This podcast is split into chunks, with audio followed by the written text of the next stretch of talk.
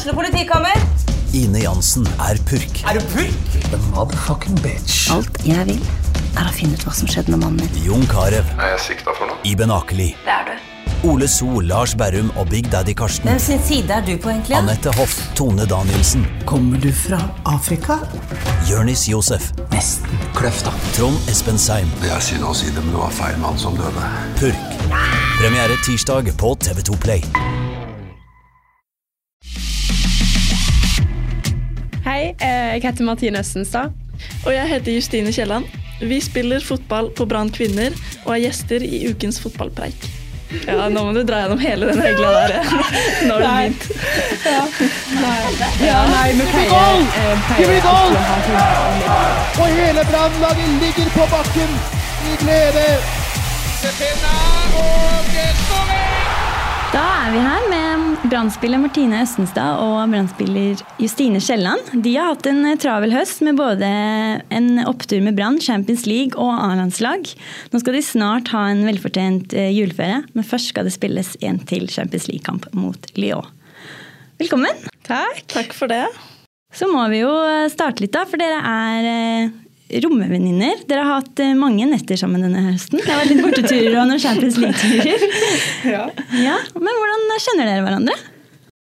Um, nei, det begynte vel egentlig på U23-samling, men så har vi jo alltid hatt Altså, vi har jo alltid spilt mot hverandre. Um, I toppserien før da, så har vi hatt litt felles venner som har gjort at man kanskje har liksom visst litt om, om hverandre, selv om man kanskje ikke kjenner hverandre så godt. Men det var vel egentlig først på samling at vi virkelig fant tonen, og siden egentlig har vært veldig gode venner. Så ja. Mm. Ja, det er jo sånn når man først møtes på samling for første gang, det gjelder de fleste egentlig, så vet man jo ganske mye om de man møter, da. Så ja, det, men det er veldig hyggelig å har satt veldig pris på å ha Martine her de første, den første tiden i Brann. Det har eh, virkelig hjulpet å ha en som man kan spørre litt ekstra og få litt, få litt hjelp fra. Men eh, når du kom i sommerhuset dine, ble dere rommevenninner med en gang?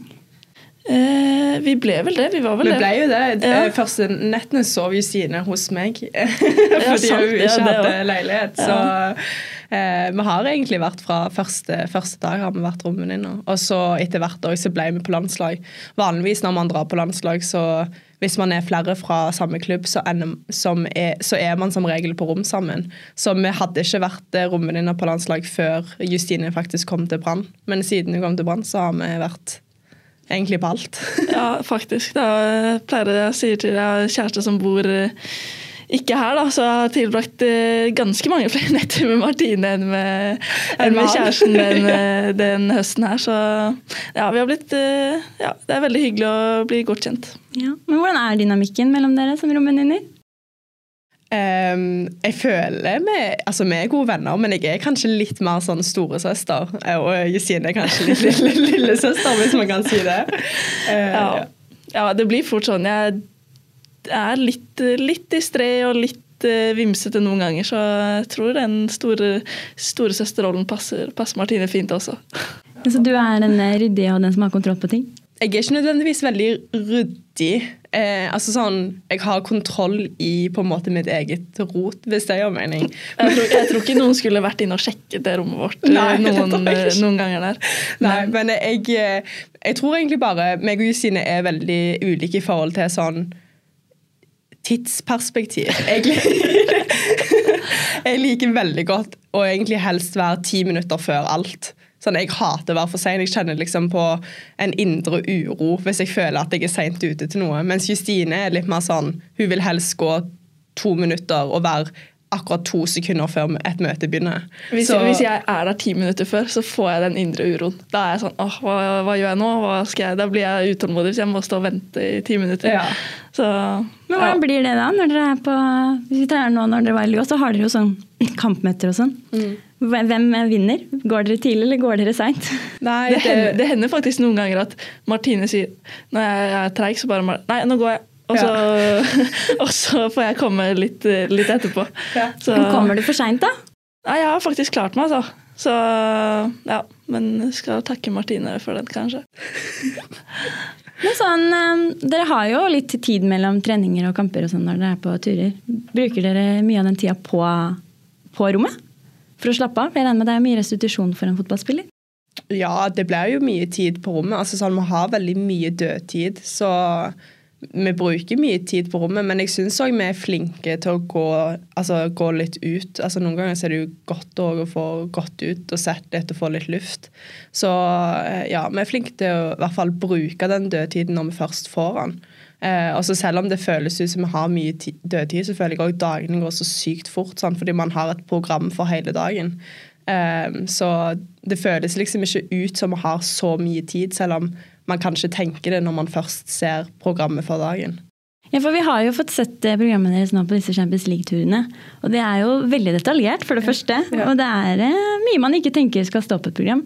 Bare det at dere spiser jo til veldig bestemte tider. Ja, absolutt. Jeg føler jo at alt vi gjør når vi er på reise, er jo liksom å spise, trene og sove, egentlig. Så ja, det, det blir jo liksom veldig intenst de dagene man, dagene man er på tur, da, fordi at da er man sammen 24-7, virkelig.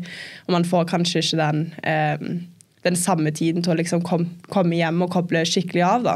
Eh, men derfor er det òg fint at jeg bor på rommet med Justine, fordi at eh, vi bruker veldig mye tid sammen hjemme når vi ikke er på reise òg, så det føles veldig likt. Eh, og det gjør at når man først har dødtid og man er på rommet, så får man faktisk slappe av skikkelig av òg, da. Blir det mye skjermtid på disse turene på mobilen? eh, ja, det gjør det. Det er jo ofte det det går i. Enten å Ja, som regel, for min del i hvert fall, så er det serie. og så kanskje Vi har vært litt flinke på å lese bøker òg. På ja. noen, noen, samlinger så har vi mm. vært litt gode på å lese òg. Men eh, nei, det blir definitivt mer skjermtid enn normalt. Mm. Det blir det. Men blir dere noen gang lei av hverandre når dere er på sånne turer? Og oppi hverandre liksom 24-7 i et par dager? Altså, Man kan jo merke at liksom, man kan bli litt sånn småirritert over enkelte ting, mer fordi at man er ulike på, på enkelte ting. Men da føler jeg altså sånn, det er helt naturlig, og, og så lenge man respekterer, respekterer, hverandre, så går det liksom greit. og Samtidig så er det sånn, selv om man bor på rom sammen, så må man ikke nødvendigvis gjøre alt sammen. Eh, og det òg er, er, jo en fin ting. Og så elsker jeg jo å bo på rom med noen som det faktisk kan være altså sånn, når, når, du kommer inn, inn, så er det ikke sånn man må snakke sammen og gjøre ting sammen hele veien, men at det, det, er ganske fint når du bare kan være stille i rommet, selv om du er med en annen person, uten at det på en måte blir kleint. Eh, så ja, det er ganske deilig. Ja, jeg føler liksom vi kjenner hverandre såpass bra at sånn hvis man blir irritert på en småmåte Jeg føler jeg er ganske klar over hvis Martine blir irritert på noe. Og hvis, jeg føler også Martine blir mer irritert på meg, kanskje, enn, enn, jeg, blir på, enn jeg blir på henne. Så, men det går som regel veldig fint. Det er bare å vente, vente litt, og så er alt good igjen. på en måte. Så det, jeg tror det er veldig sånn naturlig flow, på en måte, hvis det gir mening. Mm. Men hvem av dere er det som er den dårligste taperen? Jeg vet, jeg vet, faktisk ikke. Jeg, jeg føler Justine er en ganske dårlig taper. Ja. Sånn, men jeg hater å tape, jeg òg. Men vi er kanskje litt dårlige tapere på forskjellige måter. For vi hadde jo en episode her, var ikke det etter Slavia Praha-kampen, hvor du ikke var så fornøyd, Justine? Da måtte du få noen trøstende ord av Martin Hove som mente at du måtte ikke ha så høye krav til deg sjøl. Ja, det, det, er jo irriterende, da, når man da, Slavia Praha vant vi jo til og med, men ja. Eh, det er jo det at man vil Man vil så gjerne liksom bidra og gjøre, gjøre det man kan da, for laget, og da er det ekstra kjipt når man føler at man på en måte svikter laget er jo mye å ta i, men sånn at du liksom ikke får ut ditt beste, da. Så. Men blir du fortere sur for sånne ting enn for et tap, f.eks.? Når det går på dine prestasjoner og ikke lagets prestasjoner? Eh, nei, jeg blir, altså jeg blir, hvis vi taper, så er det like dritt uansett. Men hvis man i tillegg har på en måte vært dårlig og litt, føler litt ekstra skyld for det, så er det jo tyngre. Det er det jo. Hvordan er det for deg, Martine? Jeg tror jo det er kanskje mange som ikke driver med idrett, og ikke driver med idrett liksom på sånn toppnivå som vi gjør, ser kanskje ikke baksiden av helt hvordan vi jobber. Altså, Denne høsten har veldig mye handla om gode prestasjoner framfor egentlig resultat. Sant? Fordi vi hadde en, en eh, litt dårlig vårsesong, og høstsesongen skulle egentlig bare handle om eh, ok, hvordan kan vi utvikle oss og liksom ta nye steg. da. Eh, og jeg tror det er derfor man, selv om man vinner kamper, eh, kan føle seg veldig skuffa. Fordi at man jobber så mye med prestasjoner, og når man da føler at man ikke presterer, så er det liksom det er det som er liksom, Man blir litt sånn skuffa over seg sjøl, da.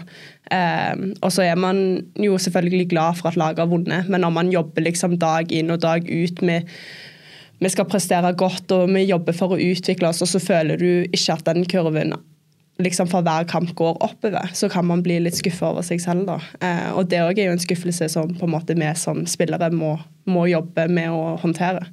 Ja, Nå er dere jo fortsatt begge to unge. Men hvordan er det dere starta med fotball? Hvordan starter du, Martine? Um, jeg vil si jeg alltid har vært en veldig aktiv uh, jente. Har drevet med veldig mye forskjellig idrett. Men jeg begynte ganske seint å spille fotball. Litt egentlig tilfeldigheter fordi at uh, man blir jo veldig påvirka av venninne, eller hva venninnene dine gjør. Så jeg begynte ikke å spille i fotball før starten av sjette, slutten av femte eh, klasse, som mange vil si er veldig seint. Men jeg har jo alltid hatt et eh, veldig godt forhold til fotball og sett mye fotball eh, pga. at jeg har hatt en far som har spilt. da. Eh, så jeg syns jo det var veldig tidlig veldig, veldig gøy. Eh, og jeg tror nok ikke det var tilfeldig at det endte opp med at det var fotball jeg begynte å, eh, å spille og drive med sånn som jeg gjør nå. da. Hvor gammel var du Justine, når du starta med fotball? jeg gikk vel i første klasse. Begynte sånn naturlig alt jeg på å si, når alle andre begynte. På, når vi begynte på skolen, så fem Da var jeg vel fem-seks år, da. Seks år, kanskje. Så begynte jo litt, litt tidligere enn Martine. Men eh, det er jo et på en måte, Når man først begynner, så er det et resultat på en måte av at de, alle, alle vennene dine også begynner. og ja, Det var alltid gøy å spille, og det var det vi på en måte gjorde i friminuttene og etter skolen. og ja, Vi koste oss med det. Men eh, du Martina, har jo en far som sier som har spilt eh, fotball på høyt nivå og har landskamper for Norge. Har han hatt stor påvirkning? Har han vært trener for deg i oppveksten? Ja, altså når, jeg, når, vi var den jentegjengen i klassen som bestemte oss for at nå ville vi begynne å spille fotball, så var det liksom OK, hvem skal trene oss? Og da var, var det sånn at okay, alle må gå hjem og spørre foreldrene sine om de har lyst til å liksom begynne å trene, eh, trene oss. Jeg gikk hjem og spurte pappa, og pappa hadde veldig, veldig lyst da. Så det var veldig kjekt. Eh, så han tre, har egentlig trent meg helt til jeg gikk til Klepp når jeg var 16, vel. Eh, så ja, han har jo altså sånn, Vi har fortsatt økter når jeg er hjemme i ferien, selv om det blir kanskje litt mindre av nå når jeg har flytta hjemmefra. Men hvordan er det på en måte å ha eh, faren sin som trener? Um, jeg tror I den alderen jeg var da, så var det en veldig fin ting, fordi jeg visste at han alltid hadde de beste interessene liksom, for meg, og ville liksom at jeg skulle være både den beste personen og den beste spilleren jeg kunne være til enhver tid. Um, og så er det selvfølgelig krevende i enkelte situasjoner, fordi at det, det er litt vanskelig noen ganger å, å skille den trener-farsrollen. Uh, Eh, og jeg tror at på det tidspunktet jeg gikk til Klepp, så var det riktig at jeg skulle liksom få en erfaring av å bli trent av noen andre. da. Eh, men eh, pappa har vært veldig viktig for meg og er fortsatt veldig viktig for meg og et av mine største forbilder. Eh, og ja, som sagt, eh, vi trener fortsatt sammen, men da, er det kanskje, da føles det litt ut som man liksom kan ha en trening som far og datter. da Nødvendigvis er det ikke sånn trener-datter. Ja. Hvordan har det vært for deg, Justine? Har du noen gang hatt eh, foreldre, en av foreldrene dine som trener? Nei, det har jeg ikke. Jeg har ikke vært så, vært så heldig å ha en eh, pappa som har vært på A-landslaget og England-proff og sånn. Men eh, nei, jeg har fått kan liksom ikke komme på at De har sikkert vært trener på en eller annen trening, men aldri noe sånn fast, fast trener. Det har det ikke vært. De har, har, en av foreldrene har de spilt fotball, de òg, eller er det liksom tilfeldig at det ble fotballspiller Nei, litt, av deg? Litt tilfeldig, egentlig. Eh, mamma har alltid vært, liksom vært tennisspiller, det var det hun drev med. Så og, så det har egentlig ikke vært noe sånn naturlig at uh, liksom, Det har ikke vært noe sånn fotballfamilie da, før, men nå har det jo blitt det, både med meg og søstrene mine. Så ja, det var egentlig litt, litt, tilfeldig at det ble det som på en måte man skulle satse på. da. Men så, hvor viktig er dine foreldre for deg nå? Eh, som støttespillere? Ja, de er jo veldig viktige, selvfølgelig. De har jo bidratt med alt mulig opp igjennom. og ja, som sikkert mange andre foreldre, kjøring og henting og alt vært med og støttet på cuper og ja, de er skikkelig, skikkelig ivrige. Og egentlig hele familien nå, med besteforeldre som også har stilt opp og kjørt. Og ja, de er kjempe, kjempeinteresserte, så det er gøy. Men sånn, hvordan er det sånn eh, Dere har jo spilt fotball fra dere små, men det er sånn Jeg regner ikke med at eh, Justine 8 og Martine 11 kunne se for seg at de skulle spille i Champions League bare noen år. Det er ikke mange Det er 21 og 22. Det er jo ikke gamle ennå. Mange av de dere møter, er liksom i slutten av, mot slutten av karrieren når de får oppleve noe sånt. Mm. Hvordan er det for liksom å oppleve noe sånt så tidlig? Det er jo litt eh, altså, det er som du sier, Jeg tror ikke noen av oss hadde forventet å liksom oppleve det så tidlig. Og også som en spiller i toppserien. da, Å få oppleve å spille Champions League er jo ikke så mange som har gjort tidligere. Så det er jo veldig gøy. Og så ja, det tror det kom, i hvert fall for min del, da, veldig overraskende på fra det er veldig kontraster liksom, fra når jeg spilte i Stabæk for et halvt år siden og sitter her nå og har uh, spilt uh, Champions League og mot Lyon. Liksom. Det er ganske stor forskjell. Men for hvordan, eh, hvis vi skal gå litt på det, hvordan er forskjellene på en måte fra Stabæk? Der var det også kanskje litt mer anonym uh, på en måte spiller sånn utad i mm. media. Men nå har dere kommet til en av de største klubbene i toppserien, og det er jo mye mm. oppmerksomhet rundt Brann. Ja, veldig. Det er veldig, altså sånn ekstremt stor forskjell. Man, når man liksom første trening kom her, og det står medier og lurer på liksom hvem den nye signeringen er, og første kampen mot Lyn på stadion, og du får merke liksom alt eh, trøkket som liksom er rundt Brann. Det var liksom første gang man så virkelig sånn OK, her bryr folk seg. Og så ut i fanzone etterpå hvor det står Jeg vet ikke hvor mange hylende barn som var der, men eh, nei, det var veldig gøy. Men så Du Martina, har jo vært i Brann noen år nå, mm. så du har blitt litt mer vant til det. Det har jo vært eh, noen sesonger hvor det har vært eh, mye å juble for. Mm. Hvordan var det da på en måte i våres når ting ikke gikk veien? Um, nei, det var jo veldig tungt. Uh, og, og, veldig tungt mer fordi at vi følte vi spilte på en måte som uh, ikke gjorde oss noe bra heller. Uh, og så er det jo veldig deilig å se at den kurven har snudd litt nå. altså Når man får tid liksom å se litt tilbake på den tiden nå når man kanskje har kommet litt ut av det, så er det jo veldig lærerikt å ha stått oppi noe sånt. Um, og så føler jeg jo òg at det, det, var tøft fordi vi mista uh, de viktigste spillerne våre før den sesongen. Altså, det ville være vanskelig å liksom fortsette den samme kurven som vi gjorde de årene før. Uh, men vi klarte heller ikke å spille eller utvikle de spillerne som var i klubben på en måte som gjorde at man kunne ikke direkte erstatte de spillerne som dro, men erstatte på en måte det gjennom kollektivet, hvis det gir mening.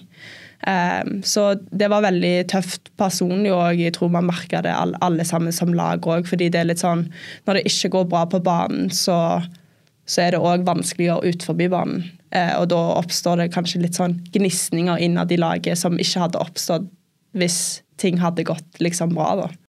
Ja, for Er det stor forskjell på stemninga på en måte i laget og gruppa nå fremfor det det var i mai, f.eks.? Ja, kjempestor forskjell. Um, og jeg tror den, den, ene grunnen til at det er stor forskjell, er at nå jobber vi med noe, eller med på, ja, på en vei som alle har virkelig tro på. Og da er det mye lettere å liksom hive seg med, liksom med, på prosjektet hvis alle har tro på det samme. Da. Og det var det vi sleit litt med i vår. Man klarte liksom ikke å se helt hvor vi skulle hen. Um, så ja, det har vært ganske stor forskjell. Men Hvordan er det for deg, Justine? Du kom jo inn i august, gjorde du ikke det? Mm. Så da var det på en måte ting eh, De hadde jo ikke spilt noen kamper ennå, men liksom, optimismen var jo litt større enn den var før sommeren. Mm, Hvordan var det på en måte å komme inn og vite at du kom til et lag som hadde slitt ganske mye i forhold til forventningene før du kom? Ja, det var jo litt eh, det var jo når jeg gikk der, så var jo Stabæk ikke så veldig happy. fordi altså, Stabæk var jo ett poeng bak Brann bare. Noe som var ganske overraskende. Så det var jo på en måte ikke Det var vel noen kommentarer fra, derfra òg at herregud, skal du gå til Brann? De, de, er jo like gode som oss, liksom. Så ja, det var, det var jo en liten sånn man hadde jo det litt i bakhodet, på en måte, da, at det hadde vært en vårsesong hvor, som ikke var i nærheten av det det hadde vært tidligere. Men eh, når man, altså jeg hadde noen samtaler med Martin der hvor eh, han på en måte forklarte om prosjektet og det de hadde lyst til å oppnå, og tiltak som allerede hadde blitt gjort i klubben på hvor lenge han hadde vært der, tre uker eller noe. Og den forbedringen som hadde skjedd på liksom de, den korte tiden. da. Og også ja, spillerne snakker jo med Martine og ja, det var liksom Jeg kjenner, liksom, føler veldig den beskrivelsen som Martine har, at alle på en måte drar i én retning. da. Og at den retningen er veldig i hvert fall, Det har man jo sett også nå, at det var veldig riktig vei å gå. da. Men Martine, hadde du sett for deg at når dere taper mot Arna-Bjørnar, at dere skal spille Champions League samme sesong? Nei, absolutt ikke. Og jeg føler jeg kommer til å sitte sånn Nå har vi jo, nå har vi jo en kamp igjen, men jeg tror liksom når jeg kommer til å se tilbake på denne sesongen, så tror jeg det kommer til å være den sesongen jeg kommer nesten til å være mest stolt over. Selv etter alt vi har vunnet de årene før. Mer fordi at det, vi var så langt nede, og jeg føler at det, vi har virkelig utvikla så mye i løpet av høsten at jeg, jeg, vil nesten tørre å påstå at vi er et bedre lag nå enn det vi var eh, altså de årene vi vant eh, gull både i cupen og i serien. Eh, og det er jo fantastisk å få være med på det òg. Og det er derfor jeg òg, selv om det var tøft i vår, alltid har hatt veldig tro på det som skjer i Brann. Mer fordi at det, når man signerer for Brann, så signerer man ikke nødvendigvis for laget, men man signerer for å spille for hele klubben. Og det er en stor institu institusjon. og en stor organisasjon. Eh, og eh, der, da har man alltid tro på at det liksom um, ja, man skal komme bedre ut av det liksom på sikt. da. Så det handler egentlig litt om å stå i det akkurat nå og være litt tålmodig. Men at det, det kommer til å liksom utvikle seg til noe bedre. Og det har det jo absolutt gjort nå. Men hvordan er det for dere som spillere? Fordi det kommer jo to overgangsvinduer hvert år. Og nå står dere jo foran snart ett. Og det er på en måte, dere er liksom endelig Dere er et kjempegodt lag, et veldig godt kollektiv. Blir dere som spiller også redde for at nå forsvinner det viktige viktige brikker i et overgangsvindu? Eller klarer, liksom, tenker dere ikke noe på det? I hvert fall for min del så tenker jeg egentlig ikke så mye på det. Sånn, man vet på en måte at uh, altså Det er mange nå, hvert fall, da, så vet man jo at det er mange spillere som har kontrakt, og det er mange som på en måte De fleste har vel gitt signaler på en måte at man har lyst til å være med videre, og at dette er et uh, prosjekt man har lyst til å være med på. da. Så jeg tror i hvert fall For min del så er ikke jeg sånn veldig bekymret for at uh, vi kommer til å miste liksom, stammen, i, stammen, i, laget. Jeg tror heller at Vi har jo sett allerede med hun godeste Martine. Ja, jeg vet ikke. Jo, Anna, selvfølgelig. Anna ja. Det var det. Ja. Ja. Som har uh, kommet inn. Og det er jo en spiss som er Man har jo sett hva hun kan, på en måte. Toppskårer for Nesten toppskårer i ligaen og spiller på Lyn, så kan man jo skåre mål. Kan man jo skåre mål, absolutt. Så jeg tror absolutt hun kan bidra med veldig mye inn her. Men så må vi jo, det har jo vært en veldig innholdsrik høst. Du har vel typ nesten ikke hatt en feriedag siden du kom til Brann, Justine. Og du har vel ikke hatt så mange dueller, Martine? Det vært, eh, når det først har vært litt ferie, så har det vært eh, landslagsopphold, enten U23 eller A-landslaget. Mm. Brann har jo vært formelaget denne høsten. Så har dere kommet til Champions League. Det er et gruppespill som tar fra dere juleferien. Og så er det A-landslaget. Hvordan vil dere liksom beskrive denne høsten? Det har jo vært ekstremt hektisk. da. Jeg tror, altså, Etter at jeg har flytta hit, så har jeg ikke hatt uh, mer enn altså, Jeg tror ikke jeg har hatt én uke hvor jeg på en måte har vært hjemme, hjemme i strekk. på en måte. Så det har vært ekstremt hektisk og mye reising, men også den kanskje morsomste, altså det morsomste halvåret jeg har hatt i min seniorkarriere. Hvert fall. Sånn, vi har hatt sykt mye morsomme kamper og gøye turer og ja, hele Det har egentlig vært helt fantastisk halvår, sånn når man skal se tilbake på det. Hvordan vil du oppsummere det, Martine? Jeg føler jo liksom kontrastene har vært så store da, fra, fra vår til høstsesong at du nesten liksom ikke føler at det, det er samme sesong. Um, så, og så er det jo liksom Når du ser at noe går bra, du ser at det, liksom, det er en utvikling, så vil du på en måte ikke at det skal ta slutt helt ennå heller. Så det at vi har, har hatt flere kamper, har egentlig jeg syns bare vært kjekt, fordi det føles liksom litt sånn når du er inne i en flytsone, du føler at liksom den altså man utvikler seg og den pekepinnen går litt oppover, så vil du på en måte ikke at den, du skal få stopp i den der flyten. På en måte. At Da er det litt fint at man får de kampene, og så kanskje man får en pause litt, litt seinere heller, sånn som vi gjør. Um, så, men det har absolutt vært hektisk, men vi er en skikkelig fin gruppe. Og jeg, kan, og jeg føler virkelig at jeg har veldig mange gode venner i laget, så det at vi er på reis sammen, er egentlig òg bare veldig kjekt, fordi vi har det veldig kjekt kjekt utenfor banen òg. Ja, for det er en ting vi har lagt merke til, for vi får jo observert mange treninger i løpet av et år. Og vi har alltid lagt litt merke til den oppvarminga deres. Fordi der er det veldig mye. Det er veldig sjelden vi ser andre lag som har så mye det er så mye latter. Ja. og det har jeg tenkt på, det virker som det er veldig god stemning, god stemning i laget. Ja, det er jo han eh, fysiske treneren vår, Lukas. Da, han er jo, jeg syns i hvert fall han er veldig flink. Han er kjempekreativ på de oppvarmingene der, så det blir mye det er mye armer og bein eh, overalt. og kan, ja, Jeg tror jeg har vært gjennom alt man kan være gjennom på sånn type oppvarming. Vi har vært opp og ned og langs bakken og Nei, og det er jo Jeg tror de også bidrar, som du sier, til eh, humør og at vi på en måte får en fin inngang til treningene. Ja, og så har vi jo òg liksom enkelte karakterer, hvis man kan si i laget, som gjør at det er veldig veldig lett å le godt når man er på trening. Og så syns jeg det er fint òg, fordi at eh, vi har virkelig klart å finne en balanse på det å liksom å ha det gøy på trening, og at det er litt latter og sånn, men òg liksom virkelig være påskrudd når man skal på en måte være på jobb. Ja, for det her er jo sånn vi kan ta, Når dere var nå i Frankrike, så hadde dere jo masse latter. Og så en halvtime etterpå så er det ser det ut som dere bare går inn i nesten i en sånn sone. Mm. At nå, nå, er det alvor. Ja. så dere virker som dere er flinke til liksom, den bryteren der.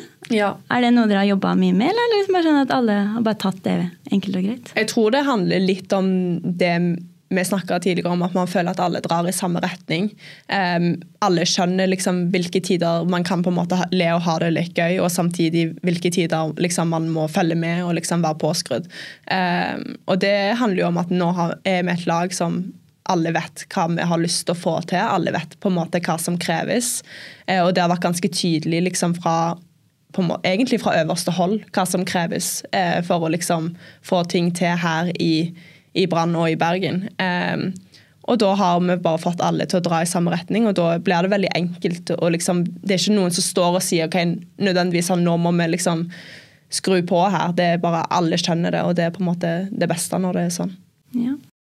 Det blir jo hardt slått ned på hvis det, er, hvis, hvis det er noen som på en måte går litt over. da. Så har vi en ganske bra sånn indre justis, og man har de folka som liksom sier at hei, nå må vi liksom, nå er vi, nå er vi på. Mm. Så det kommer veldig sånn naturlig, egentlig, føler jeg.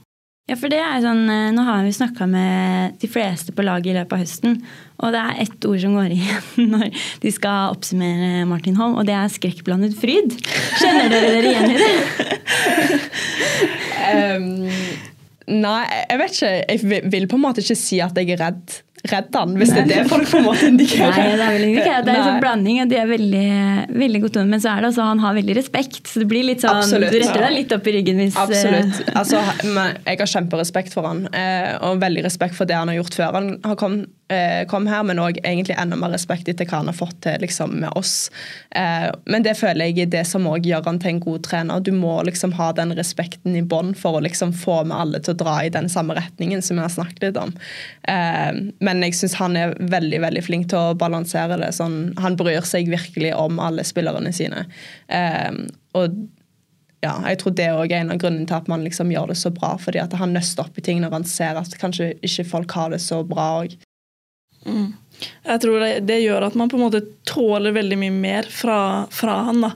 Fordi han er veldig krevende, og øh, hvis det er noe som ikke er som han vil, så er han tydelig på det. på en måte.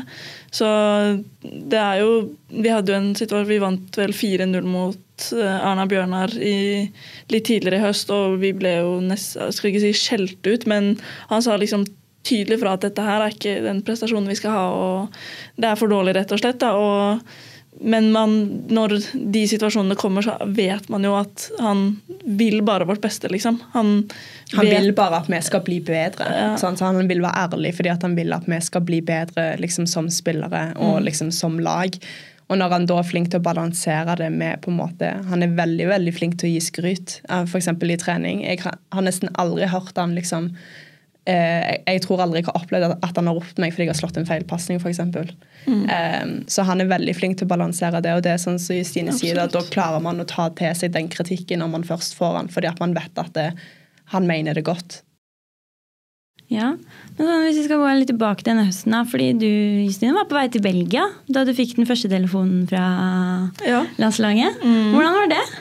Nei, det var jo Igjen så er Martine med på det som skjer av begivenheter her i Brann. Altså, jeg satt jo satt ved siden av Martine på flyet, og så ser jeg at det er et nummer som har ringt. Og så ringer jeg tilbake, da, og så er det fra, fra A-landslaget, og de ville gjerne ha meg inn på, inn på samlingen. Så da var det å hoppe, hoppe av flyet og ikke bli, med, ikke bli, med, videre til Belgia, og så dra inn til Oslo istedenfor. Så det var uh, veldig overraskende og gøy.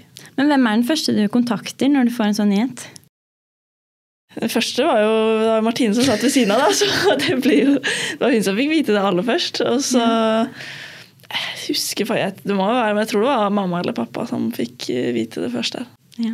Hvordan var det for deg, Martine? Fordi Da skulle vel dele, egentlig dele rom i Belgia? Mm. At du måtte se Stine bli igjen i Oslo? Ja, nei, det var bare kjekt. Eh, det var veldig kjekt og veldig fortjent. Eh, og man er nesten litt sånn eh, Selvfølgelig, det var jo kjipt for meg å, liksom dra videre liksom uten hun, fordi at hun er jo en god venninne av meg, men på en måte det ble gjort på den kjekkeste måten fordi at man vet at hun skal få oppleve noe som hun har veldig lyst til å oppleve. Og, og så blir man jo òg sånn eh, skal være ærlig og si at sånn, man har jo òg lyst til å ha den opplevelsen selv. Eh, så det er liksom sånn man ønsker Justine alt godt, eh, men eh, man, man, er jo òg sånn Faen, nå blir det min tur! men, eh, men det, var, det, var, veldig, veldig kjekt, og eh, jeg syns det var veldig veldig fortjent. Så det var, det var gøy. Og så var det ikke så lenge til det ble din tur. Nei. Hvordan fikk du beskjeden? Um, nei, vi tråkka vel egentlig ut på treningsfeltet, og så um, er det jo litt sånn når man vet at det er dagen for at samling, eller troppene til samlingen blir tatt ut, så uh, vet man jo, ja Kanskje Jeg visste jo på en måte at jeg, jeg sannsynligvis skulle dra på en samling, eh, men jeg hadde jo forventa at det på en måte skulle være med U23. Så Thomas, assistenttreneren vår, sa liksom sånn gratulerer. og jeg bare sånn ja, takk, liksom. Jeg forventa jo at det Fordi man sier jo alltid det uansett, liksom, om, om man blir tatt ut. Eh, så jeg trodde jo han mente fordi at jeg skulle dra med U23. Så det tok meg faktisk noen minutter før jeg skjønte at jeg var tatt ut på A. da. Så det ble, kom som en veldig stor overraskelse, og eh, Ja. Veldig gøy. Men hvordan var det å være på disse samlingene? Det er jo noen store stjerner dere har fått uh, trene med? Altså, Man merker jo at det er høyere tempo, høyere krav på alt man gjør.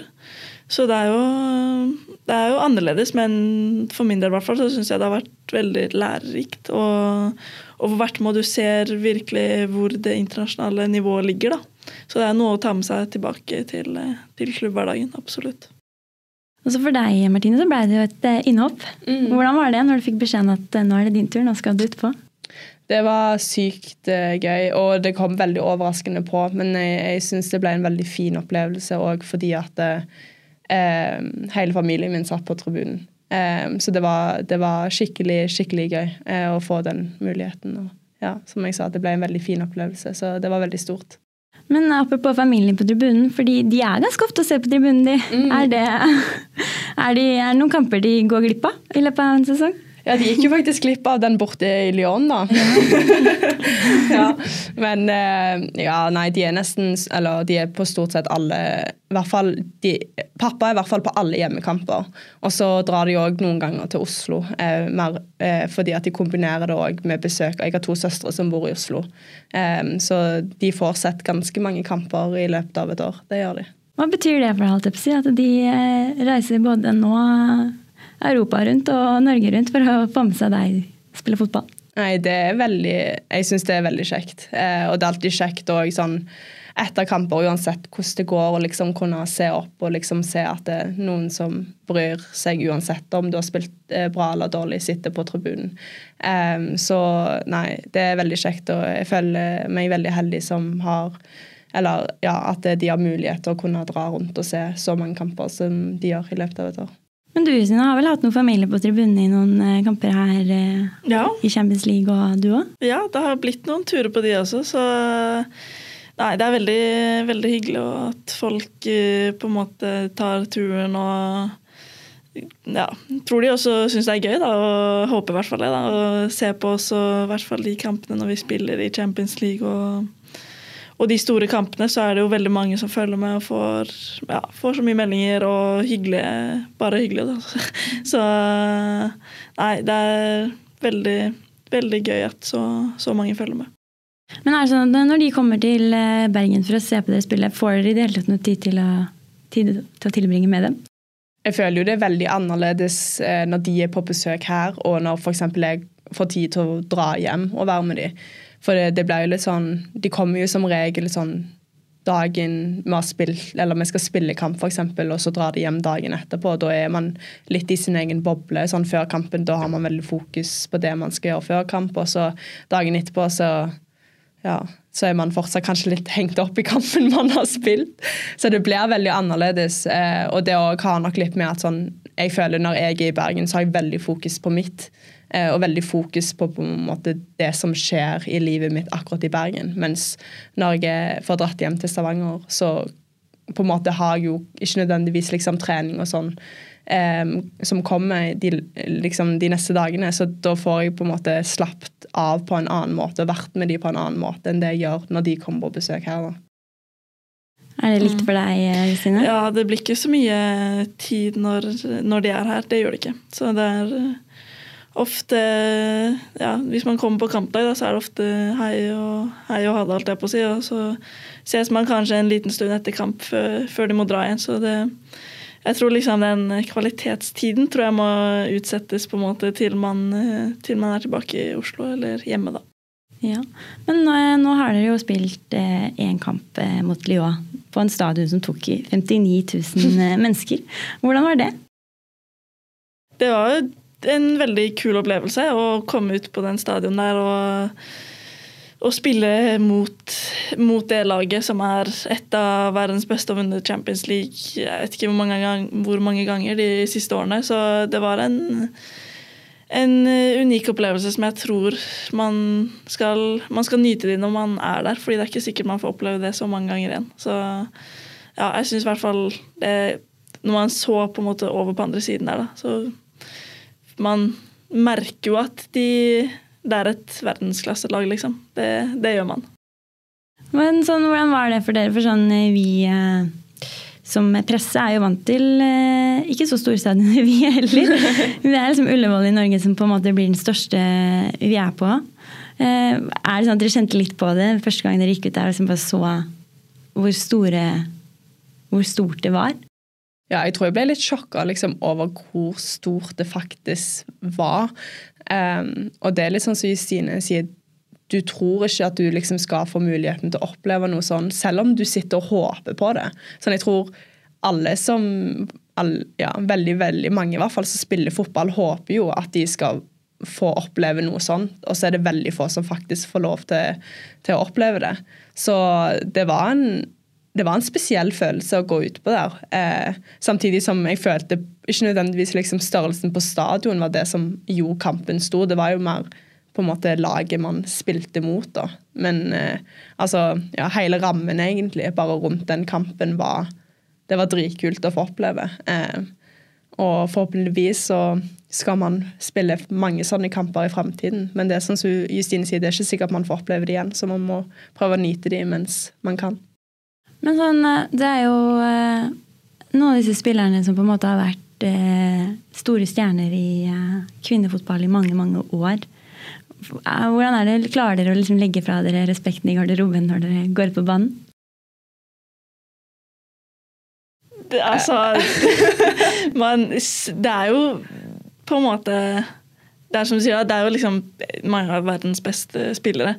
Så man må jo prøve hvert fall så godt man kan. Det, det, er ikke noe tvil om. og Det var det vi på en måte hadde i som på en måte inngang til kampen. At vi skal gjøre det vi kan, og vi vet at da, da har vi muligheter. Og på en måte, ja, som du sier, ikke prøve å ikke respektere dem for mye. Men vi ser jo i første omgangen her at vi klarer det jo ikke som vi ønsker. Så det er jo kanskje noe med det. da, at, eh, at man har litt, kanskje man må si unødvendig, da, for mye respekt. fordi at i andre omgang når vi går ut og smeller litt mer til, tar, tar litt mer for oss da, og viser det vi kan, så får vi jo faktisk et uavgjort resultat etter, etter pause der. Da. Så det er jo det vi på en måte må lære oss fra den kampen. At uh, vi må være med fra start. Og her når vi skal spille på Åsane, så tror jeg det er enda bedre muligheter enn når vi var i Frankrike.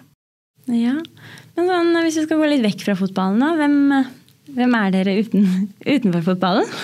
Ja, hvem er vi? Nei, fotball blir jo liksom altoppslukende. Det er litt sånn som vi var inne på, at når, når, vi er her, så er det på en måte det, det vi gjør. Um, så jeg tror nok jeg eh, kan oppleves som en litt annen person hjemme uh, i Stavanger enn det jeg kanskje er her. Men uh, det er jo sånn det er liksom, å være uh, fotball, fotballspiller. Det, det er altoppslukende og veldig mye OK, nei, veldig mye tanker går til fotball selv når man ikke kanskje er på stadion. da. Eh, og så er dagene våre de har jo blitt veldig mye lenger nå enn det det var for bare to år siden. Så man føler jo i større grad at det blir en veldig stor jobb. Så Eller ja, en veldig eh, Ikke stor jobb, men en vanlig jobb, da, kan man si. At det, det, er liksom som en vanlig arbeidsdag i større grad enn det det var før. Og det er jo veldig kjekt for oss. Eh, eh, men ja, det gjør jo at det, man man kanskje ikke gjør så mye annet utenom. Nei, det, i hvert fall, og jeg merker sånn For min del så er det jo Når man er her i Bergen, da, så er det jo man Det er jo på en måte fotballvenninne man Altså, vi er jo ganske mye sammen utenfor banen òg. Og det er jo så det, det, er klart det blir jo mye fotball og alt sånne ting, men det er jo like viktig å på en måte prøve å koble litt av. Da. Jeg synes jo Vi har jo ja, i går og sånn hadde litt sånn juleverksted og gjør litt sånn andre ting sammen, da. Som, eh, som er veldig hyggelig. Så det, det er gøy. Og så er det jo alltid like deilig på en måte å komme hjem også og være med de vennene som på en måte er langt bort fra fotball. og ja, syns det Ja, du skal spille mot Lyon. Ja, det er jo gøy, det, liksom. Sånn, det, jeg tror ikke de har helt uh, peiling der, så det, Men det setter jeg veldig pris på, at man har på en måte noen som er helt utenfor fotball òg, da. Så det tror jeg er viktig. Men sånn når du da har f.eks. dette juleverkstedet, da, klarer dere da å legge fotballpraten vekk? Nei, nå så vi jo faktisk kamp. Ja, dere, dere så kamp. Vi så kamp. Kristine liker ikke å se på kamper.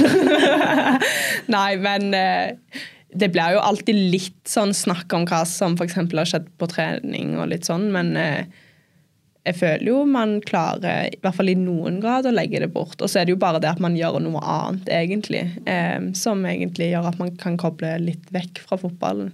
Så vi var og snora en liten gjeng og så eh, håndballfinalen. Um, og um, lagde brente mandler. Så det var, det var koselig, det. Ja, de var skikkelig gode. Så. Men eh, så, hva gjør dere hvis du skal liksom, koble helt av?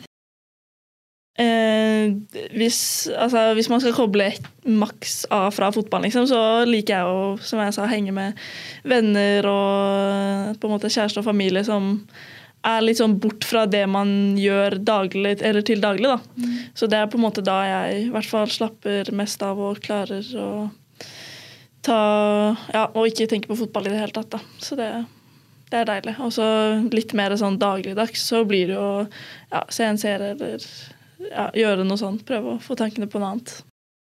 Hva gjør du, Martine? Jeg tror jeg er egentlig ganske lik sånn eh, Jeg syns det er kjekt når vi finner på ting sammen. Selv om det fortsatt er fotballvenninner, så syns jeg det er kjekt at vi finner på ting eh, utenom òg. Eh, mer fordi at det, da sitter man kanskje ikke sånn si, Hvis man har hatt en litt dårlig trening, da man tenker veldig mye på det, så får man kanskje litt sånn man blir litt distrahert fra tankene istedenfor å bare sitte hjemme og tenke på alt man gjorde dårlig på trening. Så kommer man seg litt ut og eh, er med folk som ja, gir deg litt energi. Da. Så det ja, jeg gjør nok veldig mye av det samme.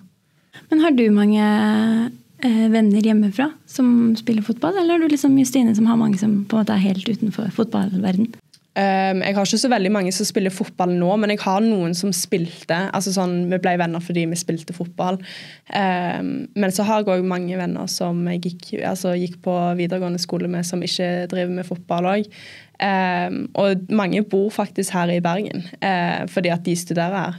Uh, så jeg ser de uh, i ny og ne. Men det blir, selv om man bor nærme hverandre, så blir det veldig vanskelig når vi har de dagene vi har hatt, og nå har det blitt veldig mye reising i tillegg. Så jeg har kanskje ikke vært så flink, så jeg må kanskje bli litt flinkere til å ta litt initiativ til, til å møte dem. Men det er veldig vanskelig, ja. selv om man bor nærme, og faktisk eh, få tid til, til, å gjøre det. Det er samme der når man har Det er også noen venner som bor her, på en måte, og når man skal planlegge, og sånn, så er det liksom ja, Skal vi si om tre uker torsdag ettermiddag, liksom, så er det en liten luke. Så det er, det er, vanskelig selv om. Så det er det som gjør litt at Jeg tror det er derfor så vi henger mye sammen på laget. At der er det samme timeplaner, og det, det er veldig lett å bare dra sammen etter trening, på en måte. Mm. Ja, det er jo veldig forståelig. Og så skal jeg jo spørre deg da, Martine. Fordi du har jo en eh, hva vi kan kalle han en superstjerne. Du har vokst opp med, sammen med Erling Braut Haaland. Og det har jo kommet ut i mediene de siste årene. Er det noe du får mye spørsmål om? Om han? Nei, jeg gjør egentlig ikke det.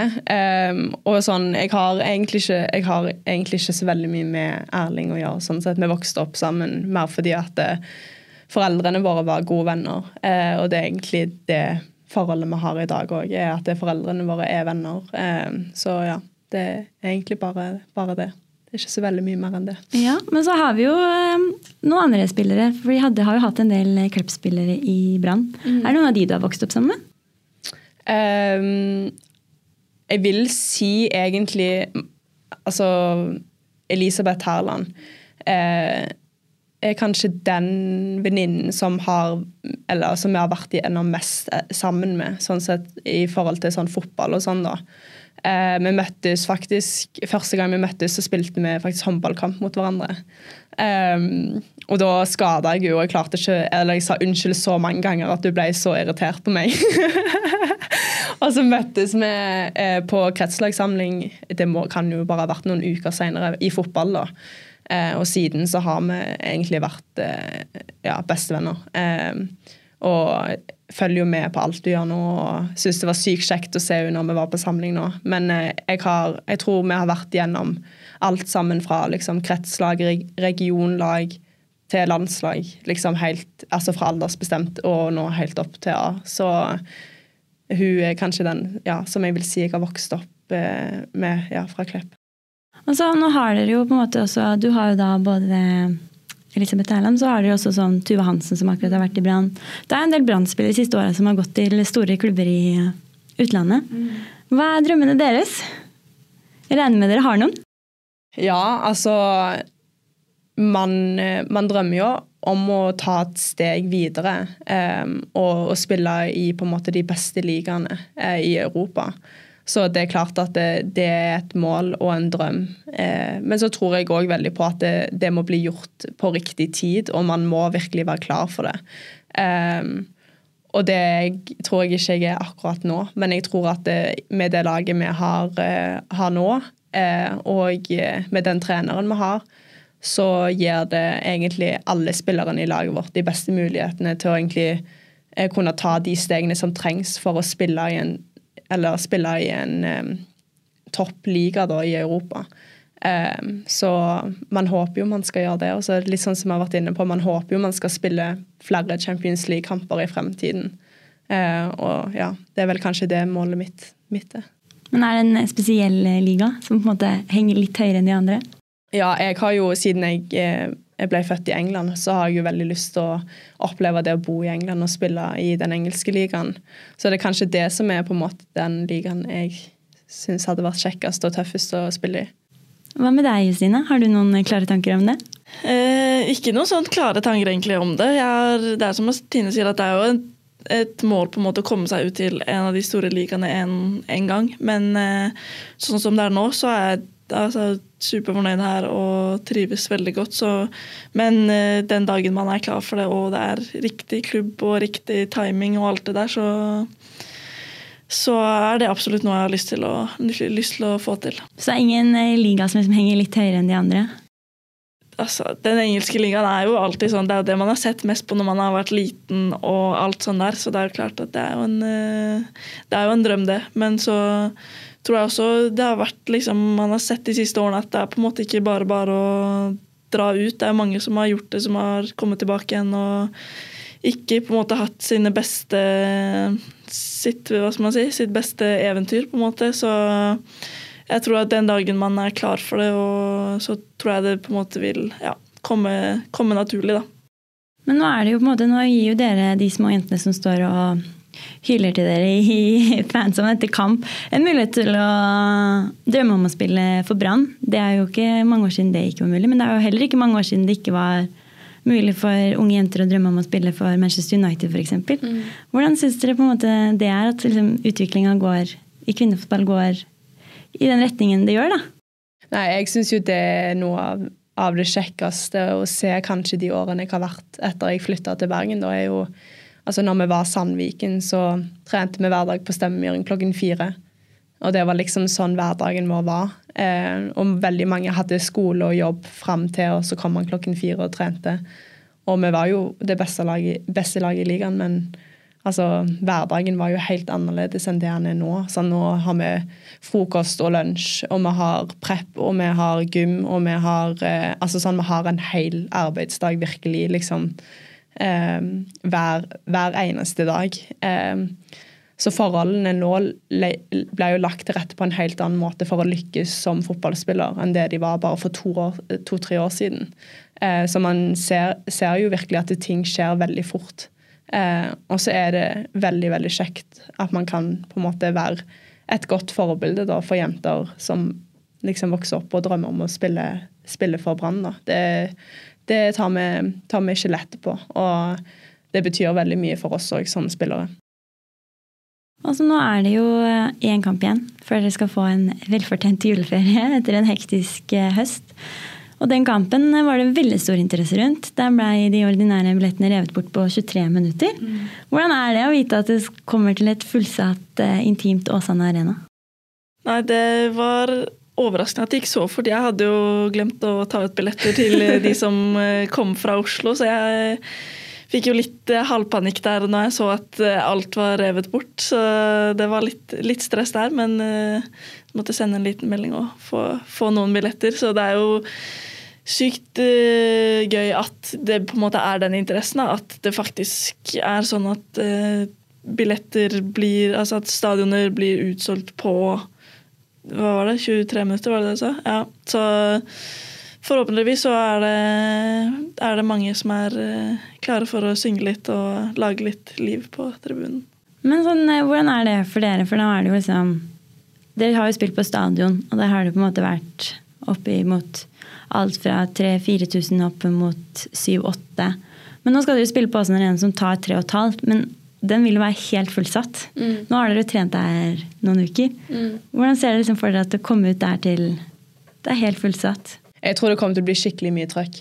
Eh, og det har vi liksom bare når vi har spilt på stadion, selv om det har vært, eh, vært veldig mye folk. Så altså, vi spilte jo Hvilket år var det, da? Men da spilte vi hjemme mot eh, Vålerenga på stadion, og så uken etterpå så spilte vi på Lerkendal mot Rosenborg. Og kontrastene var jo Altså, det var så store forskjeller, fordi at det, det var så mye mer trøkk fra tribunen på vår kamp kontra på Lerkendal. Så det er jo veldig tydelig at det, Bergen får til noe som ingen andre får til.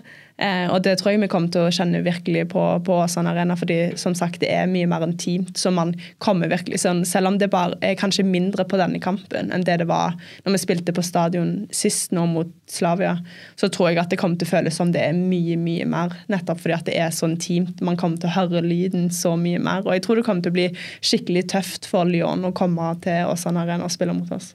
Ja, fordi eh, Det vi har hørt, er at de gruer seg litt til dette kunstgresset og kulda. Mm. Tror du det vil være en eh, fordel, Brann? Dere er blitt vant til det? Ja, det, jeg tror jeg har blitt litt eh, vant til det nå. Så jeg tror at de tenker, bruker mye mer energi på å tenke på det enn det vi gjør òg. Så jeg tror de ser for seg at de kommer til en liten stadion i lille, lille Norge, og det er kaldt og vått og sånn. og hvis eh, bataljonen også står og lager litt liv bak eh, keeperen der, og, så tror jeg det kommer til å være en ganske sånn ukomfortabel gjeng som eh, kommer, kommer, ut på den ene siden av banen der. Men hvordan skal dere tilbringe juleferien? Ja, nei, jeg skal hjem, da. Så skal være med egentlig bare familie og venner. Så det blir veldig godt. Det er jo alltid kjekt i julen, fordi da kommer alle hjem. Sant? Det er jo veldig mange som har flytta vekk fra Stavanger nå for å studere og gjøre andre ting. Så julen er på en måte alltid en sånn høytid der alle samles. um, fordi at man bor på forskjellige plasser, og da er det alltid kjekt å se folk som man kanskje ikke har sett på flere måneder. uh, og til og med liksom på et helt år, nesten. Så jeg gleder meg veldig til å se folk igjen. Hva med deg, da? Ja, det blir mye av det samme. Det blir eh, komme hjem og feire med familien og venner, og så blir det nok en tur på hytta og litt ski, litt på ski og sånn der, så det blir veldig, veldig gøy. Har dere noen spesielle juletradisjoner? Um, nei, ikke så veldig mye. Eller sånn, vi har mer sånn i forhold til sånn mat. Mat og sånn på jul. Sånn, vi pleier alltid å ha ja, nå må du dra gjennom hele den regla der. Nå har du begynt. Ja. Nå er vi spente. Ja, nei, vi pleier, eh, pleier, alltid å ha hummer lille julaften. Det er liksom blitt en sånn tradisjon. Og så pinnekjøtt på julaften. Det er liksom ja. Det må vi ha. jeg tror aldri jeg har hørt noen som spiser hummer på lille julaften. Hun fikk litt tynn for det i garderoben her, her om dagen. Ja. Jeg tror ikke det er så vanlig. Hadde, hadde dere ikke noe første og andre og sånn da? Nå, vi, vi ha hele regla, vi da, Martine. 23. til andre. Ja, nei, vi har hatt, de, i hvert fall de siste årene, så har vi hatt eh, eh hummer eh, lille julaften, pinnekjøtt julaften og kveite første juledag, og så ribbe. Andre juledag. Og det er fint det, vi får litt variasjon da. Sant? Har du fortalt dette til Martin? Er han bekymra for at du kommer, hjem, eh, kommer tilbake? jeg håper ikke det. Jeg føler det var ganske bra balansert. Litt sånn variasjon. Det blir ja. ikke så mye, så mye, tung mat, kanskje, men eh, ja, vi har hatt det de, hatt det de siste årene. Så ja. Men er det sånn at dere har et, streng, en streng plan dere må følge når dere er hjemme på juleferie i forhold til trening? Um, kanskje mer før enn nå, fordi at vi får litt mindre ferie. Så det er på en måte begrenser vi hvor mye ut av form vi kan komme på de ukene vi er hjemme. Men um, vi får et treningsprogram uh, som vi skal fullføre. Um, men ja, som sagt, det er liksom bare to Når får vi det? Det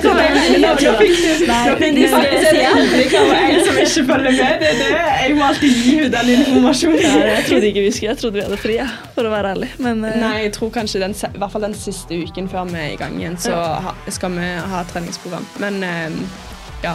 Uh, herlig. herlig. ja, da, da, skal vi ønske dere to en god jul og lykke til på torsdag. Takk. Så skal vi ønske lytterne våre god jul, og takk for at dere hørte på. God jul. God jul.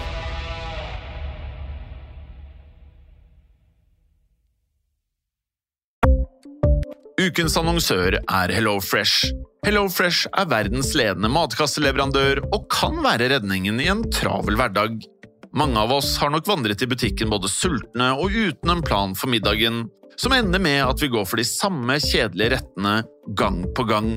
Middag burde være dagens høydepunkt. Som Hello Fresh kan du nå velge mellom 25 ulike retter hver eneste uke, eller få Hello Fresh til å sette sammen menyen for deg. Dette gir deg muligheten til å prøve nye og spennende retter alene eller sammen med familien. Du velger antall porsjoner og får alt levert på døren på et tidspunkt som passer for deg. Oppskriftene er enkle, og maten er lett å lage både for store og for små. Ved å få alt levert hjem får du også mer tid til å dele matgleden med familie og venner. Kanskje det frister med asiatiske tacos eller greskinspirert kylling? Da kan jeg anbefale deg om å gå inn på hellofresh.no. Her kan du bruke koden FOTBALL og få opptil 1779 kroner i rabatt på de første fem matkastene hvis du ikke har prøvd Hello Fresh tidligere. Du kan også bruke rabatten hvis du har vært kunde og stoppet abonnementet ditt for tolv måneder siden eller lengre. Gå inn på hellofresh.no og bruk koden FOTBALL. Har du et enkeltpersonforetak eller en liten bedrift? Da er du sikkert lei av å høre meg snakke om hvor enkelt det er med kvitteringer og bilag i fiken, så vi eh, gir oss her, vi. Fordi vi liker enkelt. Fiken superenkelt regnskap.